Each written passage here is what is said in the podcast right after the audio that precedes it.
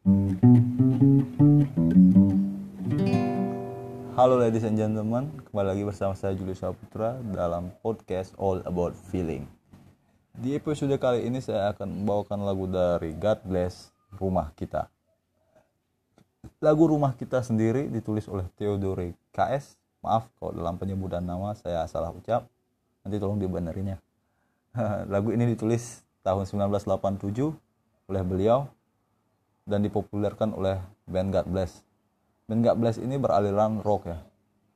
Uh, mereka terdiri dari lima personil, tapi saya cuma tahu dua nama dari mereka, yaitu Ian Antono dan vokalisnya si Om Ahmad Albar. Ah, lagu rumah kita sendiri itu menceritakan bagaimana seseorang ya, maksudnya dua orang dia bicara kepada lawannya rumah kita karena di sana ditulis kita sebagai subjeknya. Uh, dia menceritakan kalau bagaimana dia bersyukur dengan apa yang dia miliki.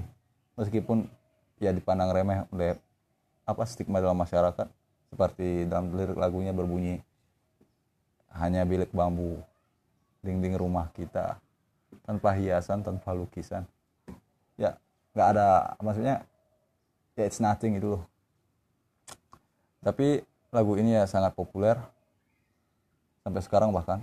Um, bisa diterima di kalangan mana pun meskipun ini tulis tahun dipublikasikan maaf tahun 1987 ditulisnya dan dipublikasikan tahun uh, 1988 tapi sampai sekarang lagu ini masih enak didengar di semua kalangan. Jadi, ya masuk dalam kategori lagu yang tak lekang oleh waktu lah. So saya akan mencoba menyanyikannya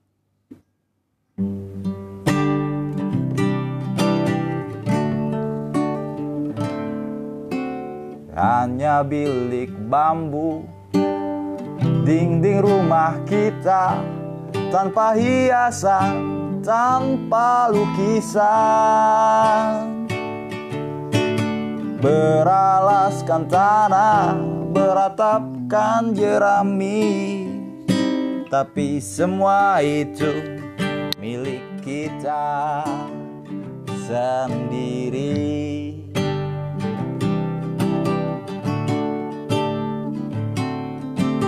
hanya alang-alang pagar rumah kita. Tanpa anyelir tanpa melati. Hanya bunga bakung tumbuh di halaman. Tapi semua itu milik kita. Namun semua itu punya kita.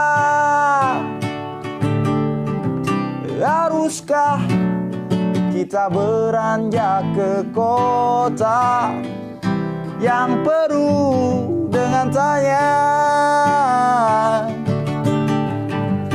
Lebih baik di sini. Rumah kita sendiri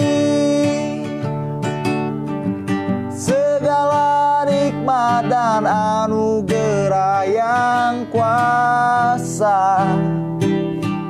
Semuanya ada di sini. Rumah kita.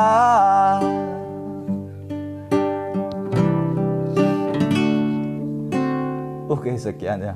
Maaf kalau ada tadi uh, Salah lirik di bagian awal-awal.